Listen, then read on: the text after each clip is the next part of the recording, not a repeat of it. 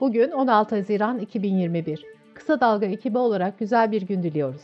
Ben Demet Bilge Erkasap. Gündemin önemli gelişmelerinden derleyerek hazırladığımız Kısa Dalga Bülten başlıyor. Cumhurbaşkanı Erdoğan ve ABD Başkanı Biden önceki akşam NATO zirvesinde bir araya geldi. Biden görüşme için pozitif ve verimli bir toplantı yaptık derken Erdoğan da Türkiye ile ABD arasında çözülemeyecek bir sorunun olmadığını düşünüyoruz dedi. Erdoğan, görüşmenin ardından yaptığı açıklamada 1915 olaylarının gündeme gelip gelmediği yönündeki bir soruyu hamdolsun gelmedi diye yanıtladı. Erdoğan, görüşmeden önce ise bunu gündeme getirmeden geçmeyi doğru bulmamız mümkün değil demişti. MHP Genel Başkanı Devlet Bahçeli, NATO zirvesinin ardından ABD'ye sert eleştirilerde bulundu. Bahçeli, Ermeni soykırım yalanına sarılıyorlar, 15 Temmuz darbecilerini koruyorlar. Utanmadan demokrasi ve hukuk alanlarında ahkam kesip bize parmak sallıyorlar. Uzaktan bakılınca saf mı görünüyoruz, dedi. Habertürk spikeri Veys Ateş'in Sezgin Baran Korkmaz'la ilişkileri iki Habertürk yazarı tarafından kamuoyuna açıklandı. Fatih Altaylı, Korkmaz'ın kendisini aradığını ve Ateş'in 10 milyon euro istediğini söylediğini aktardı. Altaylı'nın yazısında bu görüşmenin kaydı olduğu bilgisi de verildi. Habertürk yazarı Sevilay Yılman ise kaydın 3 dakikasını dinlediğini belirterek şoka girdim inanamadım dedi.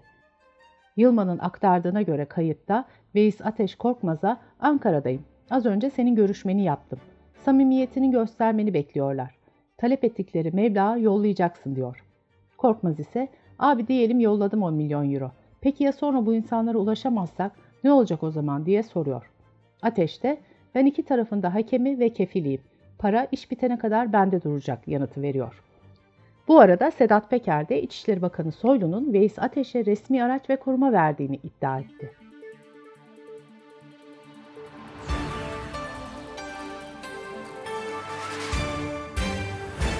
CHP lideri Kılıçdaroğlu Twitter'dan açıklama yaparak bir gazetecinin bir iş adamından 10 milyon euro istediğine şahit oluyoruz. Ankara'da kimin için istendi bu para? Savcılar, harekete geçin. Kim için istendi bu para? Öğrenin, dedi. HDP eş genel başkanı Mithat Sancar, Sedat Peker'in iddialarına karşı iktidarın sessiz kaldığını belirtirken muhalefeti de eleştirdi. Sancar, suskunluk sadece iktidar çevreleriyle sınırlı kalmıyor. Ne yazık ki muhalefet saflarında da benzer bir tutum görüyoruz diye konuştu. Sedat Peker Twitter'dan yeni paylaşımında bu kez CHP'ye soru yöneltti. Peker, İçişleri Bakanı Soylu'nun koruma müdürü olan Ekrem Güler'in emekli olduktan sonra İş Bankası'nın baş danışmanı olduğunu öne sürdü. Tweetinde Güler'in Sezgin Baran Korkmaz'ın oteline çökme ekibi içinde olduğunu iddia eden Peker, CHP yetkilileri, siz İş Bankası'nın yasal hissedarı değil misiniz? Bu kişinin finans konusunda nasıl bir dehası var ki o göreve atanıyor diye sordu.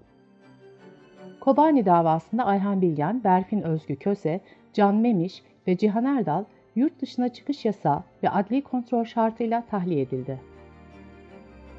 Anayasa Mahkemesi Yargıtay Cumhuriyet Başsavcılığı'nın HDP'nin kapatılması iddianamesinin ilk incelemesini 21 Haziran'da yapacak.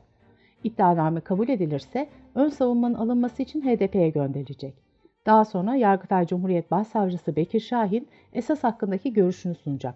Anayasa Mahkemesi Şahin ve HDP yetkililerini dinleyecek. Raportörün raporunun ardından yüksek mahkeme kapatma talebini görüşecek. Kırmızı kategoride aranan ve IŞİD'in Türkiye sorumlusu olduğu belirtilen Kasım Güler, MIT'in Suriye'deki operasyonuyla yakalanarak Türkiye'ye getirildi. Ankara, İstanbul, Antalya ve Karaman'da sahte engelli raporu çıkardıkları iddia edilen bir çeteye operasyon düzenlendi. Tamamı hastane çalışanı 21 kişi gözaltına alındı. Covid-19 haberleriyle devam ediyoruz. Bilim Kurulu üyesi Profesör Doktor Mustafa Necmi İlhan, toplumsal bağışıklığın Eylül ayı başında mümkün olabileceğini söyledi. İlhan, fiziksel mesafeye dikkat ederek, çok rahat yerlerde maske kullanmayarak aşımızı da olduğumuz takdirde güz dönemi başında daha normale döneceğimizi söylemek mümkün dedi. İngiltere'de yapılan bir araştırmaya göre delta varyantının en sık görülen belirtileri baş ağrısı, boğaz ağrısı ve burun akıntısı. Genç hastalar ağır bir soğuk algınlığı geçiriyormuş gibi hissettiklerini söyledi. BBC Türkçe'nin aktardığına göre insanlar çok hasta hissetmeseler de virüsü bulaştırabiliyor. Bu nedenle bu belirtileri gösterenlerin hemen COVID-19 testi olması isteniyor. Sağlık Bakanı Fahrettin Koca, Sosyal Güvenlik Kurumu'na kayıtlı tüm çalışanlar için aşı randevusu açıldığını duyurdu. Dünya Sağlık Örgütü, COVID-19'un aşılardan daha hızlı hareket ettiği uyarısı yaptı. G7 ülkelerinin yoksul ülkelerle 1 milyar doz aşı paylaşma planının yetersiz olduğu vurgulandı. Sırada ekonomi haberleri var. Türkiye'de gelir dağılımındaki adaletsizlik arttı. En yüksek gelire sahip %20'lik grubun toplam gelirden aldığı pay 2020'de önceki yıla göre 1.2 puan arttı ve %47.5 oldu. En düşük gelire sahip %20'lik grubun aldığı pay ise 0.3 puan azalarak %5.9'a geriledi. CHP milletvekili Abdurrahman Tutdere, TÜİK'in açıkladığı işsizlik verilerinin gerçeği yansıtmadığını öne sürdü. Tutdere, işsiz sayısının 10 milyona ulaştığını belirtti. TÜİK ise işsiz sayısını 4 milyon 511 bin kişi olarak açıklamıştı. TÜİK ücretli çalışan verilerini yayınladı. Buna göre ücretli çalışan sayısı aylık 1.4, yıllık da 17.1 artış kaydetti. En yüksek artış %45.6 ile inşaat sektöründe oldu. Dış politika ve dünyadan gelişmelerle devam ediyoruz. Erdoğan-Biden görüşmesi dünya batının da gündemindeydi. Reuters'ın analizinde Erdoğan ve Biden görüşmeleri pozitif ve verimli olarak niteledi. Ancak ilişkilerdeki sorunları nasıl aşacaklarına dair ipucu vermedi denildi.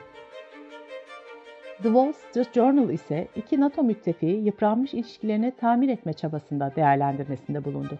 Euronews'un haberinde ise Erdoğan'ın S-400 meselesinde ilerleme sağlandığına dair ipucu vermediği belirtildi. Çin yönetimi izlediği politikaların NATO zirvesinin sonuç bildirgesinde sisteme meydan okuma olarak tanımlanmasına tepki gösterdi. Pekin yönetimi NATO'ya enerjisinin daha büyük kısmını diyaloğu teşvik için harcama çağrısında bulundu. Mısır'ın en yetkili sivil mahkemesi Müslüman kardeşlerin 12 üst düzey üyesine verilen ölüm cezasının uygulanmasına karar verdi. Mahkumların karara itiraz hakkı bulunmuyor. 12 ihvan üyesi devlet başkanı Sisi'nin onay vermesi durumunda idam edilecek.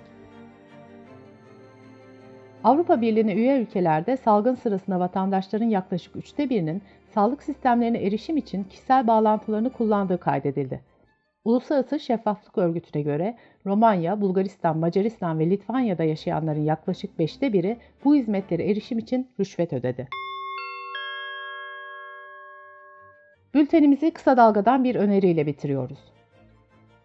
Faruk Eren söz programında Sedat Peker'in açıklamalarının AKP'deki yankısını, İçişleri Bakanı Soylu'nun parti içindeki konumunu ve önümüzdeki süreçte neler olabileceğini gazeteci Sedat Bozkurt'la konuşuyor. Bozkurt, AKP'de Süleyman Soylu'ya karşı bir defans var. Soylu'ya parti içinden hiçbir destek yok. Erdoğan Soylu'yu bir süre sonra kabinenin dışına alır diyor. Kısa Dalga.net adresimizden dinleyebilirsiniz. Gözünüz kulağınız bizde olsun. Kısa Dalga Medya.